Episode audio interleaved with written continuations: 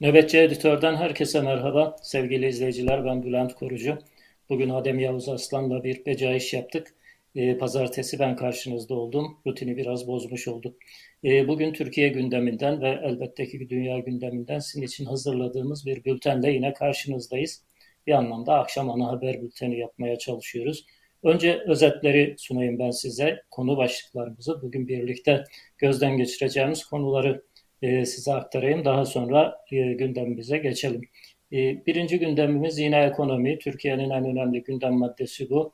E, vatandaşa tuzak üstüne tuzak kuruluyor. Bir taraftan vatandaşa e, o kadar çok yalan söyleniyor ki artık söylenen yalanları e, gazeteciler, tabii ki peşinde olan gazeteciler, yalan yakalamak isteyen gazeteciler yakalamakta zorlanıyoruz. Artık hangisini sıralayacağımızı şaşırdık. Bir önem sırası yapıp ona göre en önemli yalanları size aktarmaya çalışıyoruz. Bu kadar e, zor bir durumdayız diyebilirim. Ama asıl zorluk tabii ki Türkiye'de yaşayan vatandaşlarımızın zorluğu.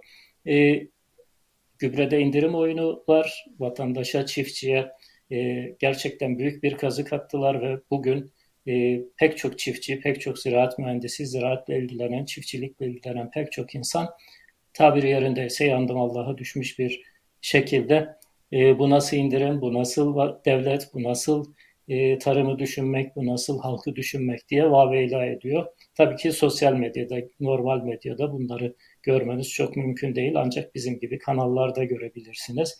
Takipteki krediler patladı. Bunlar hepsi tek gündem sevgili izleyiciler. Zannetmeyin ki birkaç başlığı peş peşe okudum. Neyse birinci gündem maddemiz ekonomi ağırlıklı onu söylemiş olayım.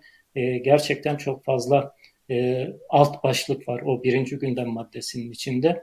İkinci gündem maddemiz bütün dünya e, gözlerini dikmiş. E, Ukrayna'ya bakıyor. Ukrayna'da gerilim gittikçe yükseliyor. Eller tetikte.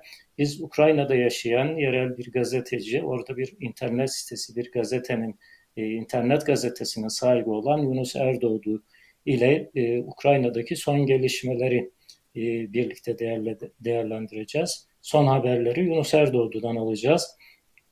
Üçüncü gündem maddemiz e, AKP'li Mehmet Emin Akbaşoğlu, AKP Grup Başkan Vekili, bir avukat. Hani AKP insanların yüzünü güldürmüyor, halkının yüzünü güldürmüyor diyoruz. Biraz haksızlık ediyoruz galiba.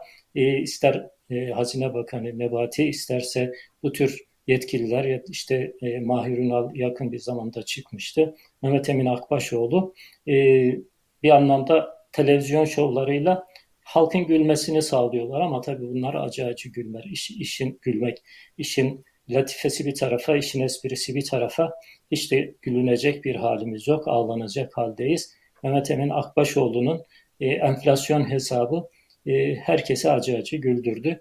Biraz onu konuşacağız ama aslında aynı şeyi Erdoğan da söyledi, Binali Yıldırım da söyledi. Fakat bu kadar tepki çekmemişti.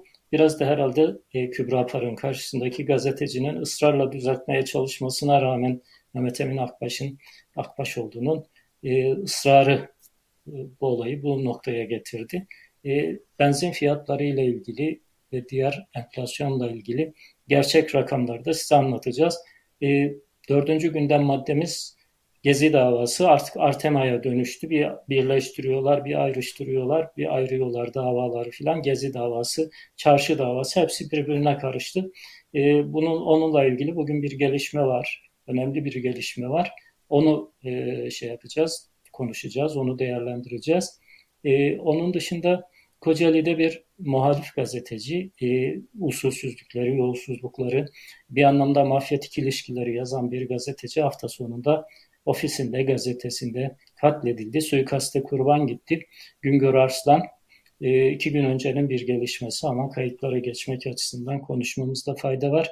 E, altıncı gündem maddesi ise bütün dünya, bütün önemli gazeteler, önemli medya organları bugün e, İsviçreli bankalardan sızan mafya ve diktatörler ilişkisini konuşuyor. Yaklaşık 18 bin hesap sızdı. Yaklaşık 100 milyar franklık bir büyüklükten söz ediliyor ve çoğunluğu mafyalar, mafya ya da e, şirketlerin diktatörleri e, rüşvetle beslemesi, rüşvetle kendisine e, asker haline getirmesi diyebiliriz. Bütün dünya bugün bunu konuşuyor. Diktatörlerin ve mafyanın e, yüreği ağzında diyebiliriz ama tabii bunlar o yolun yolcusu olduğu için çok da tınmayacaklar. Daha önce birçok e, kirli ilişki, birçok e, Panama belgeleri vesaire e, ifşa oldu ama çok bir sonuç getirmedi. E, kamuoyunda da bu tür bir e, tepki oluşmuyor ama en azından medya görevini yapıyor ve bu hırsızlıkları, bu yolsuzlukları gündeme getirmiş oluyor. Evet sevgili izleyiciler böyle e, biraz uzunca bir özet oldu. Özetin ardından birinci gündem maddesiyle konumuza başlayalım. E, vatandaş, devlet vatandaşına hem tuzak kuruyor hem yalan söylüyor ve e, kurduğu tuzaklar çok kısa süre içerisinde deşifre oluyor, ifşa oluyor ve yalanları da yatsıya varmadan o mum sönüyor, yalanları paçalarından akıyor diyebiliriz. E, vatandaşa nasıl tuzak kuruyor? Bugün çiftçiler başlarken söylediğim gibi sosyal medyada gerçekten yandım Allah'a düştüler. Gerçekten vaveyla ediyorlardı. Çünkü hatırlarsanız Cumhurbaşkanı Erdoğan yaklaşık iki hafta önce, üç hafta önce bir kabine toplantısının sonunda gene büyük müjdeler açıklamıştı ve bu müjdelerin içerisinde bir tanesi de gübre fiyatlarının %30 indirileceğiydi. Bu sadece çiftçileri ilgilendirmiyor elbette birinci derecede çiftçiler olmakla birlikte e, gıda enflasyonunu ve gıda fiyatlarını da e, çok yakından alakadar eden bir e, haberdi, bir duyuruydu. E, %30 indirim yapıldı. E, fakat bugün anladık ki, bugün ziraat mühendislerinin ve çiftçilerin paylaşımlarından anladık ki %30 indirimli e, diye ilan ettikleri fiyat 6150 lira. Oysa o anda piyasada aynı gübre 5500 lira. Şimdi siz çiftçi olsanız ne yaparsınız? İndirimli fiyatı 6150 lira olan gübreyi 5500 liradan bulmuşken hemen alırsınız. Ve çiftçiler de böyle düşünmüşler ve tonlarca o gübreden almışlar. Hatta e, bankalar ya da işte e, biz bir kısım bürokratlar çiftçileri teşvik etmişler. Bak ucuz ucuzken alın, paranız yoksa krediyle alın, faizli kredi alıp çiftçiler e, bu pahalan daha doğrusu indirimli hali bile 6150 lira olan gübreden 5500 liraya bulmuşken satın almışlar. Bolca satın almışlar. Sürpriz bugün patladı. Yalan bugün patladı. Bugün aynı gübre 4000 liraya düştü fiyatı. E, çiftçiler soruyorlar tabii bu nasıl indirim? Hani gıda fiyatlarında, KDV e, fiyatlarında bunu gördük. E, marketlerde, raflardaki fiyatlarda bunu gördük. E, bu, bu nasıl indirim? En üst düzeyden verilmiş bir müjde var. Ve tabii ki bu olayın şeyi de tarım kooperatifleri. Tarım kooperatifleri doğrudan devletin kontrolünde, devletin yöneticilerine atadığı ve birçok operasyonunda kullandığı bir e, teşkilat, bir kurum. Tarım kooperatiflerinin açıkladığı fiyat, sattığı gübre ve vatandaş bugün e, çok büyük bir hani amiyane tabirle söylüyorum ama başka kelime yok Türkçe'de bunu karşılayacak devletten büyük bir kazık yemiş oldu. E, işin ilginç tarafı dediğim gibi o insanların o e, gübreyi alabilmek için bankalardan büyük borçlar yaptılar. Faizli kredi çektiler. Yani kazık üstüne kazık yemiş oldular. Zaten çiftçi kredi borçlarını ödemekte zorlanıyor. Sadece çiftçi değil, birazdan bahsedeceğiz. Öğrenciler ve normal vatandaşlar da bankalardan aldıkları kredileri ödeyemediği için pek çoğu takibe ya da icraya düşmüş durumda. Olayın bir başka boyutu da şu sevgili izleyiciler. E, TÜİK biliyorsunuz enflasyonu birkaç kalem daha açıklıyor. Açıkladığı kalemlerden bir tanesi de e, tarım girdileri, tarım girdisi fiyatları üzerinden de enflasyon açıklıyor. Ve yıllık enflasyonu %45.6 olarak açıklamıştı. Bu yıllık enflasyon içerisinde de en yüksek artışı %152 ile yine gübre e, elde etmişti. Gübrenin fiyatı %152 artarak en fazla e, artan e, ürün haline geldi diye TÜİK, TÜİK açıklama yapmıştı. Şimdi %152 gübrenin zamlandığı bir ülkede e, siz gıda fiyatlarını düşüremezsiniz. Gıda fiyatlarını market basarak düşüremezsiniz. Gıda fiyatlarını %7'lik e, şeylerle, e, KDV indirimleriyle düşüremezsiniz. Sadece halkı biraz oyalarsınız, biraz kandırırsınız, biraz da normal vatandaşla satıcıyı, marketçiyi karşı karşıya getirirsiniz. Ama daha başka bir şey var sevgili izleyiciler. Bugün aynı e, kişiler, aynı ziraat mühendisleri, aynı e, çiftçiler e, şu açıklamayı da yaptılar. Şu ifşaatı da tabir yerindeyse yaptılar. Gübre fiyatlarında yıllık zam, yıllık artış %152 değil, tam tersine %550'ye varan artışlar var. Somut rakamlar da veriliyor. Mesela Aralık 2020'de 2500 lira olan gübre Aralık 2021'de 16.250 liraya çıkmış. %550'lik bir artış. Vatandaş soruyor. %152'lik artış varsa gerçekten %152'lik artışla satılan gübre varsa gösterin biz hepsini almaya razıyız. Çünkü zaten e, gübredeki artış %550'ye varmış durumda. %550'yi vurmuş durumda. Şimdi böyle düşündüğünüzde biraz önceki cümlenin altını bir kez daha çizeyim. Böyle bir ortamda gıda fiyatları düşer mi? Zaten elektrik fiyatlarının %127 arttığını biliyoruz. Sulamada kullanılan elektriklerin. Gübrenin de %152 diye açıklıyor devlet ama %550 olduğunu çiftçi ispat ediyor. Onun ötesinde indirim yapacağız, gübreyi size ucuza vereceğiz diye devlet eliyle çiftçiye çok büyük bir kazık atılıyor. Ve böyle bir ortamda e, şey nasıl düşecek, enflasyon nasıl düşecek, gıda nasıl ucuzlayacak? Bu tam manasıyla bir kandırmaca, bir aldatmaca.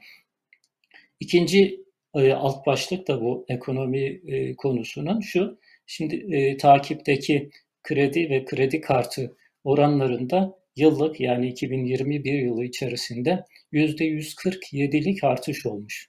Düşünebiliyor musunuz sevgili izleyiciler? Yani kredi kartı ya da e, tüketici kredisi başka şekillerde kredi alıp bankalardan faizle borçlanan insanların e, takipte olan yani borcunu ödeyemediği için 180 gün boyunca borcunu ödeyemediği için bankalar taraf, tarafından kara listeye alan alınan ve takibe alınan e, kişi sayısı 1 milyon 704 bin kişiye yükselmiş. Bu da %147'lik bir artışa tekabül ediyor. E, siz gelin ekonominin hangi boyutlarda olduğunu, ne kadar güzel olduğunu, nasıl uçuşlu olduğumuzu, Türkiye ekonomisinin nasıl Almanya tarafından kıskanıldığını, nasıl e, Amerika tarafından kıskanıldığını varın siz e, düşünün.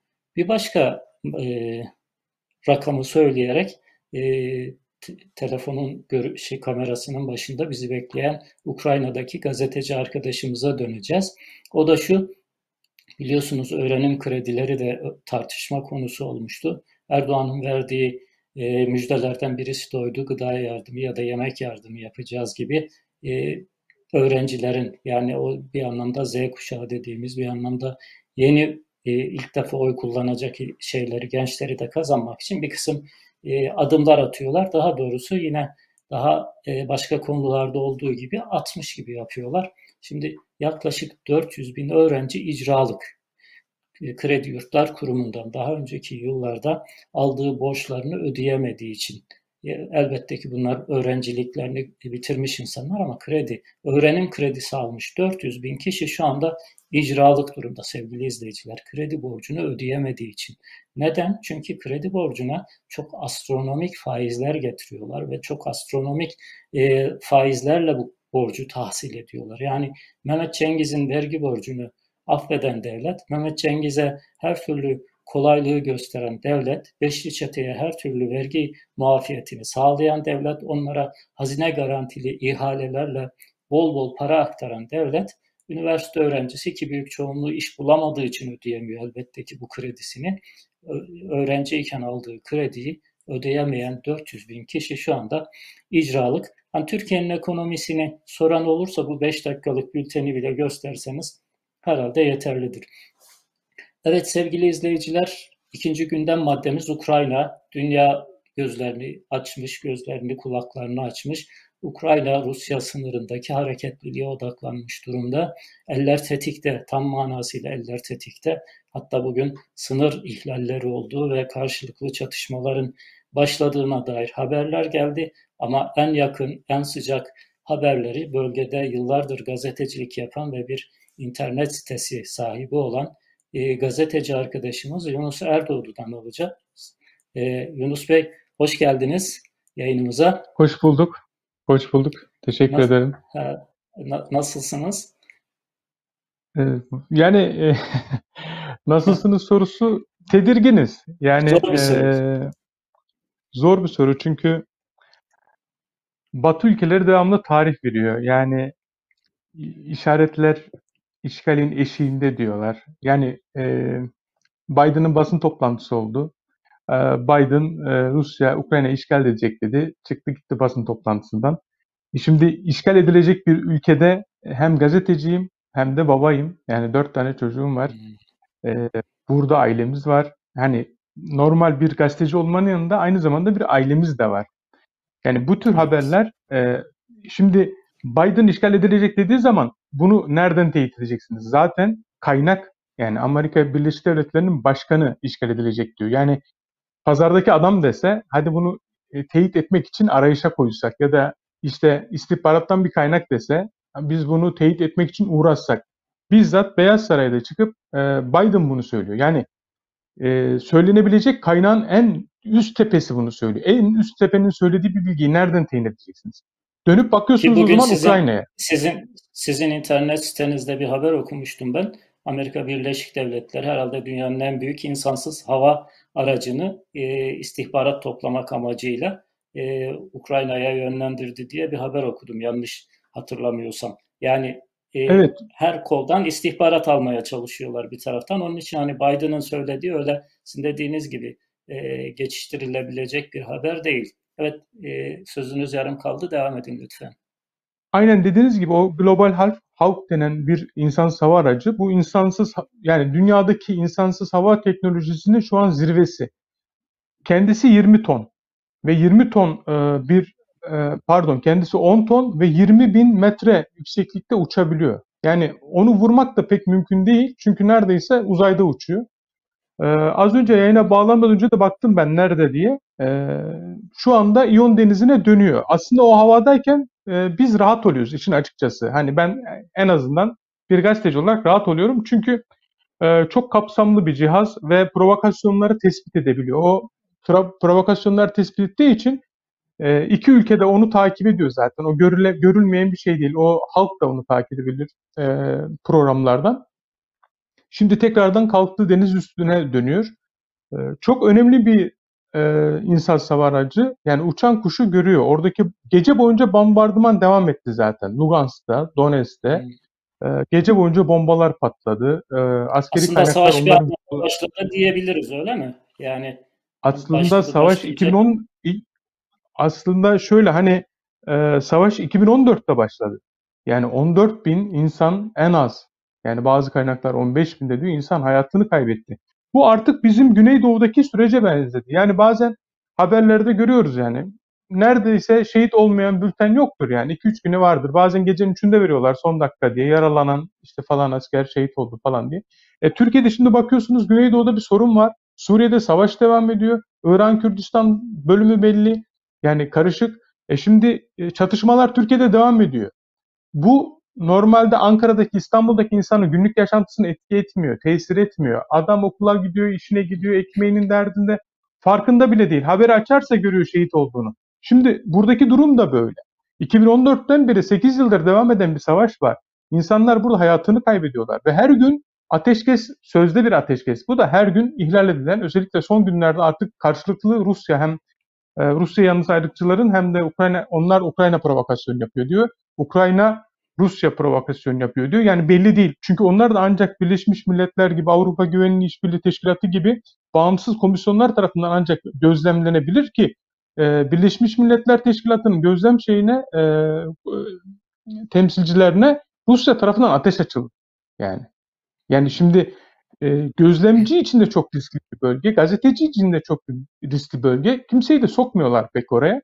O ateş hattına yani kurgusal olarak tabii yani e, 40 kilometre mesafeden durup işte buradayız, sıcak noktadayız, son noktadayız falan yayınlar yapılıyor ama biz biliyoruz oranın son nokta olmadığını. Şimdi çok hassas bir denge var ve devam eden bir savaş var ve her gün yaralanan haberleri alıyoruz. İşte dün bir kişi maalesef Ukrayna ordusunun hayatını kaybetti.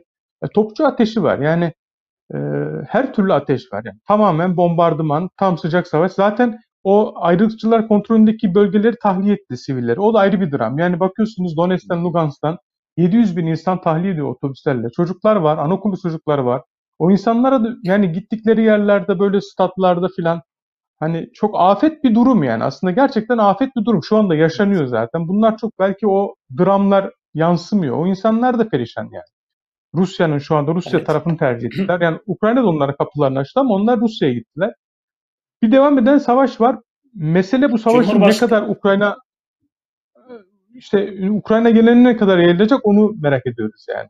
Evet, Ukrayna Cumhurbaşkanı Zelenski'nin şöyle bir açıklamasını okumuştum.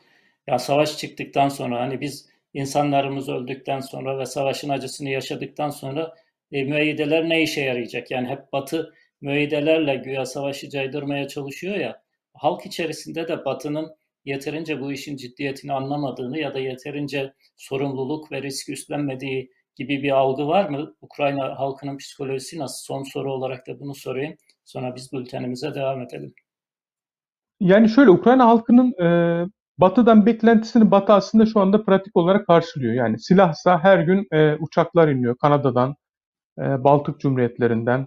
Gerçi Almanya miğfer gönderdi. Burada çok komedi oldu. Yani yas bugün halkına çıkın çağrısında bulundu. Amerika zira elçiliğini e, Kiev'den e, Lviv'e taşıdı. Yani Batı'yı anlamak da güç. Yani bir taraftan biz senin yanındayız diyorsun.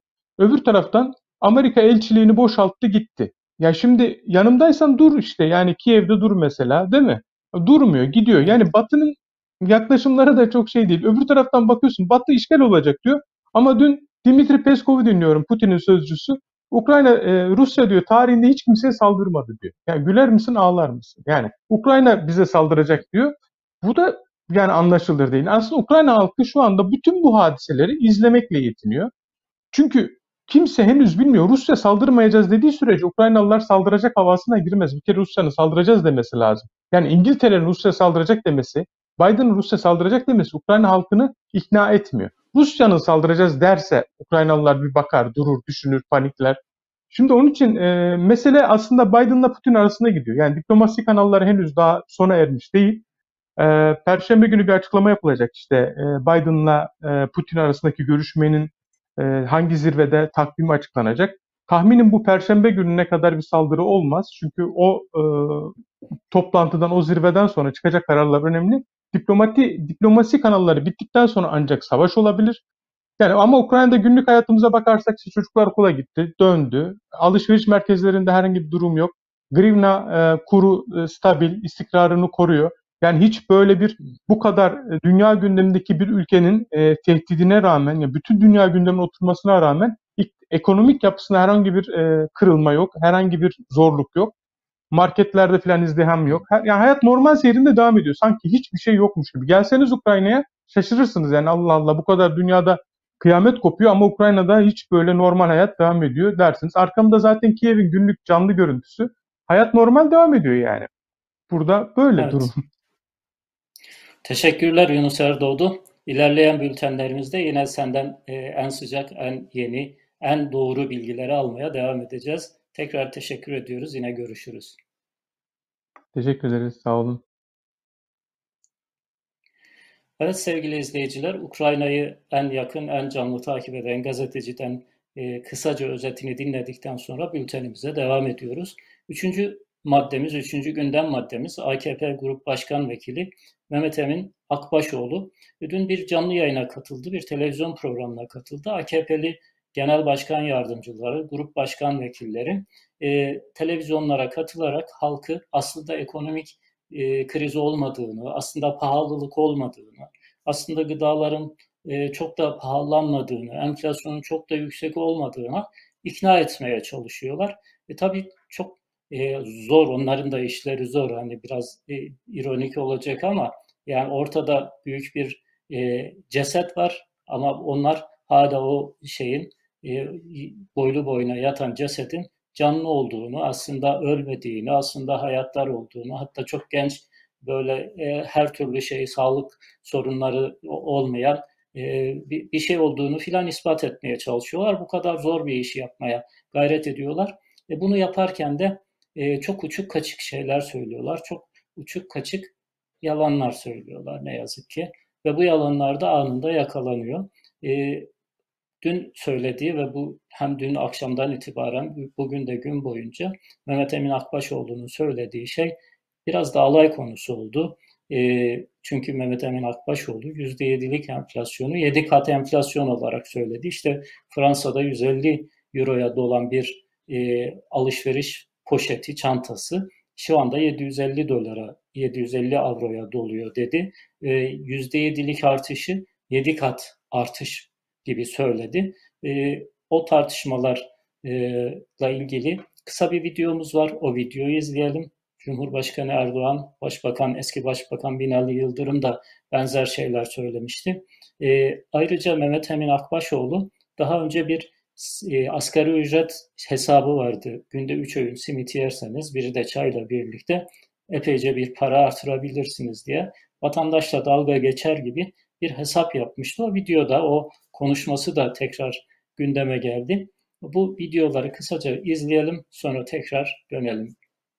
Konutlarda aylık 200 kilowatt tüketim üzerinden bakıldığında Türkiye Avrupa'daki 34 ülke arasında vatandaşlarına en uygun fiyatla elektrik hizmeti sunan üçüncü ülke durumundadır. Ülkemizdeki elektriğin 200 kilovata denk gelen tutarı 18 avro iken bu rakam mesela Norveç'te 35 avro, Fransa'da 45 avro, Hollanda'da 60 avro, Belçika'da 92 avro, Almanya'da 100 avrodur. Efendim yaşadığımız bu ekonomideki dalgalanmalara bir mazeret olarak söylemiyor. Bu bir gerçek, bu bir durum tespiti. Amerika, Avrupa denen ülkeler bunlar enflasyon diye bir şey bilmiyor. Bugün Amerika'da sıfırdan yüzde yediye çıkmış enflasyon. Bu ne demektir? Yedi kat artış. E bizde onlardan 20'ye çıkmış iki kat artış. İyi mi? Değil. Kaç liraymış bir bekar işçinin asgari ücreti? 2020 lira. 2020 lira koyduk kenara. Bir çay bir simit 2 lira doğru mu? Bir çay bir simit 2 lira. 5 kişilik bir aile sabah kahvaltısında kaç lira tüketmiş olur? 10 lira. 3 öğün 10 çarpı 3 kaç lira? Kaç? 30 lira. Evet bir günde 5 kişilik ailenin gideri 30 lira. Peki bir ay kaç gün? 30 gün. 30 çarpı 30 eşittir. Kaç? Kaç? 900 lira. Asgari ücret kaç liraydı? 2020 lira. 2020 eksi 900 lira ne yapar? Efendim? Kaç? Demek ki 1120 lira cebinde kalıyor. Evet yani e, matematikleri mi yok diye insanlar tartıştı. Sen nasıl üniversite okumuşsun, nasıl avukat olmuşsun ki herkes sözelci diyor ama hukuk fakültelerine en azından bizim dönemimizde Mehmet Emin Akbaşoğlu da o döneme denk gelmiştir büyük ihtimalle. Eşit ağırlıkla giriliyordu. Biraz matematik yapmanız da gerekiyordu. Ama bunların matematik sorunu yok. Bunların vicdan sorunu var. Öyle anlaşılıyor. Çünkü toplama çıkarmayı en azından iyi kötü bildiğini gördük bu videodan. E, ve zaten hani matematik sorunu olmadıkları şuradan belli ki e, bir mühendis olan Binali Yıldırım onun hani Türkçe sorunlarını, Türkçe yazma yumuşak G ile olan imtihanını biliyoruz. Ama en azından matematiğinin doğru olması lazım. Matematiğinin e, iyi işlemesi lazım bir mühendis olarak. E, o da aynı şeyi söylüyor, benzer şeyleri söylüyor. Yedi kat arttı işte Amerika'da enflasyon diyor. Bizde işte yüzde ondan yüzde yirmiye çıktı filan. Yani bilinçli, e, organize bir kötülükle karşı karşıyayız. Bilinçli bir biçimde vatandaşa yalan söylüyorlar e, ve bilinçli bir biçimde vatandaşı aldatmaya, vatandaşa tuzak kurmaya çalışıyorlar. Şimdi ben size gerçek bir rakam söyleyeyim. E, 2021 yılı içerisinde dünya ortalaması, benzin fiyatlarının dünya ortalaması %12.4 arttı. Hani ekonomisi çok zor durumda dediğimiz Yunanistan'da bu rakam %13.7. Peki Türkiye'de ne kadar arttı biliyor musunuz? %110 arttı benzin fiyatları. Yani e, ve bu %110'luk artışın büyük e, kısmı %80'lik, %85'lik kısmı sevgili izleyiciler Erdoğan zammı. Yani kurlardaki o patlamadan kaynaklanan zam. Evet petrol fiyatları arttı, evet doğalgaz fiyatları arttı ama işte matematik ortada. Dünya ortalaması %12.4, Türkiye'nin bir yıllık benzin e, fiyatlarındaki artış e, %110. Görüyorsunuz işte kırmızı şeyle olan e, çubuk, grafik çubuğu Türkiye en yakın e, rakibine e, kaç kat fark atmış açıkça görülüyor. Yani söyleyeceğim bunların sorunu vatan şey değil matematik sorunu değil. Bunlarınkisi biraz vicdan sorunu, biraz dürüstlük sorunu. Evet sevgili izleyiciler, e, şimdi diğer bir gündem maddesine geçelim. O da bugün yine Gezi davası vardı. Osman Kavala'nın iş insanı, aktivist Osman Kavala'nın yargılandığı davanın yeni bir duruşması daha yapıldı.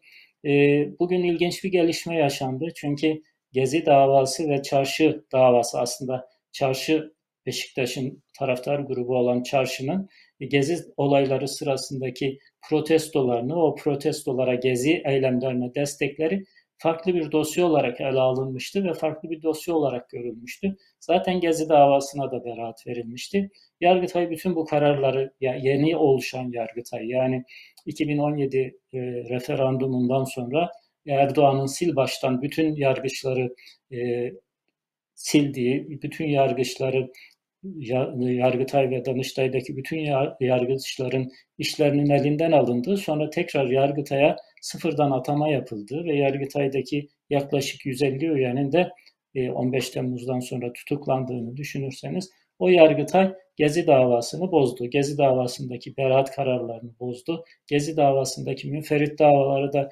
buluşturdu, topladı, bir çuvala koydu. Gezi ile çarşı davası birlikte görülmelidir dedi ve yerel mahkemeye döndü bu dosyalar.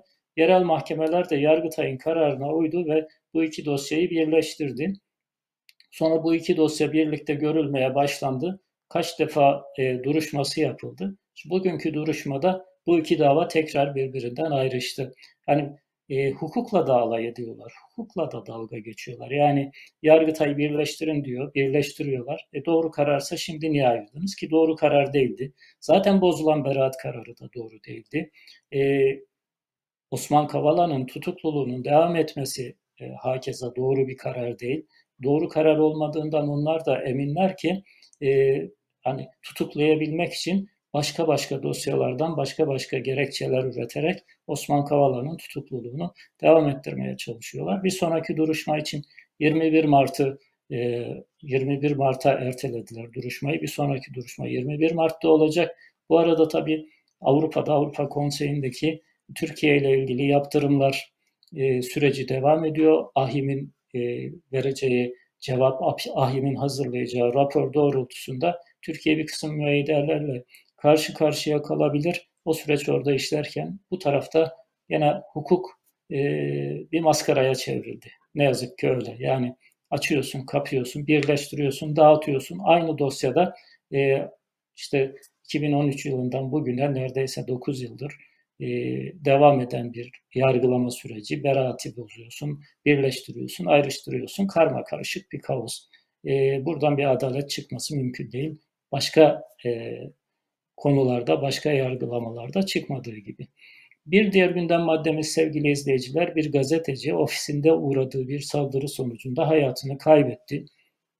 Tetikçi yakalandı. Kendisini azmettirenler olduğunu söyledi. O azmettirenlerle ilgili bilgi ve e, isimler henüz kamuoyuyla paylaşılmadı. E, sen git onu öldür biz seni rahat ettireceğiz. Hapishanede seni bakacağız vesaire filan. Tipik azmettirici jargonu bu. E, Güngör Arslan bir yerel gazeteci, Kocaeli Ses Gazetesi'nin sahibi ve yazarı aynı zamanda e, daha çok e, yolsuzluk konularıyla, mafyatik ilişkilerle ilgili eleştirel tavrı biliniyordu, eleştirel bir duruşu vardı, yazdığı yazılar biliniyordu. daha önce de bir saldırıya uğramıştı ve kendisi de hatta e, benim cenazem çok kalabalık olacak.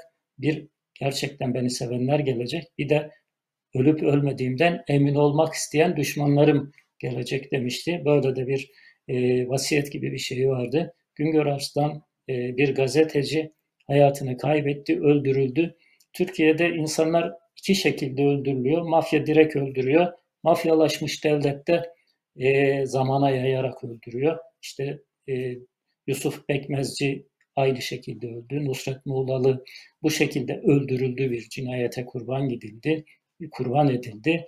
8 yaşındaki kemik kanseri Ahmet Burhan Ataç herkesin gözü önünde hepimiz canlı yayında ağır çekimde Ahmet Burhan Ataç'ın devlet tarafından devletleşmiş mafya tarafından nasıl öldürüldüğünü an be an izledik. Canlı yayında neredeyse ağır çekimde gözümüzün önünde bir çocuk öldürüldü.